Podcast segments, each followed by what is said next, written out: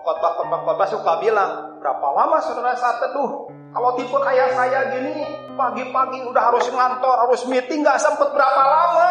Konsepnya sudah berubah, udah nggak bisa berapa lama, kecuali ya pendeta full time, punya waktu banyak. Momen ilahi harus dikenal. Nah, itu kekuatan seseorang tuh di situ. Seperti apa sih momen ilahi itu?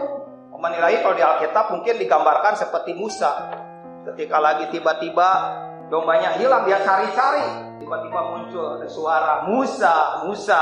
Akhirnya Musa mendekati dan dia lihat api dari semak belukar. Tapi ya, semak itu nggak terbakar. Itu momen ilahi. Atau seperti Gideon ketika dia lagi di tempat pengirikan. Tiba-tiba muncul malaikat. Itu momen ilahi. Tapi momen ilahi versi perjanjian baru. Rohnya masuk. Salah-salah kehidupan kita. Di salah-salah kesibukan kita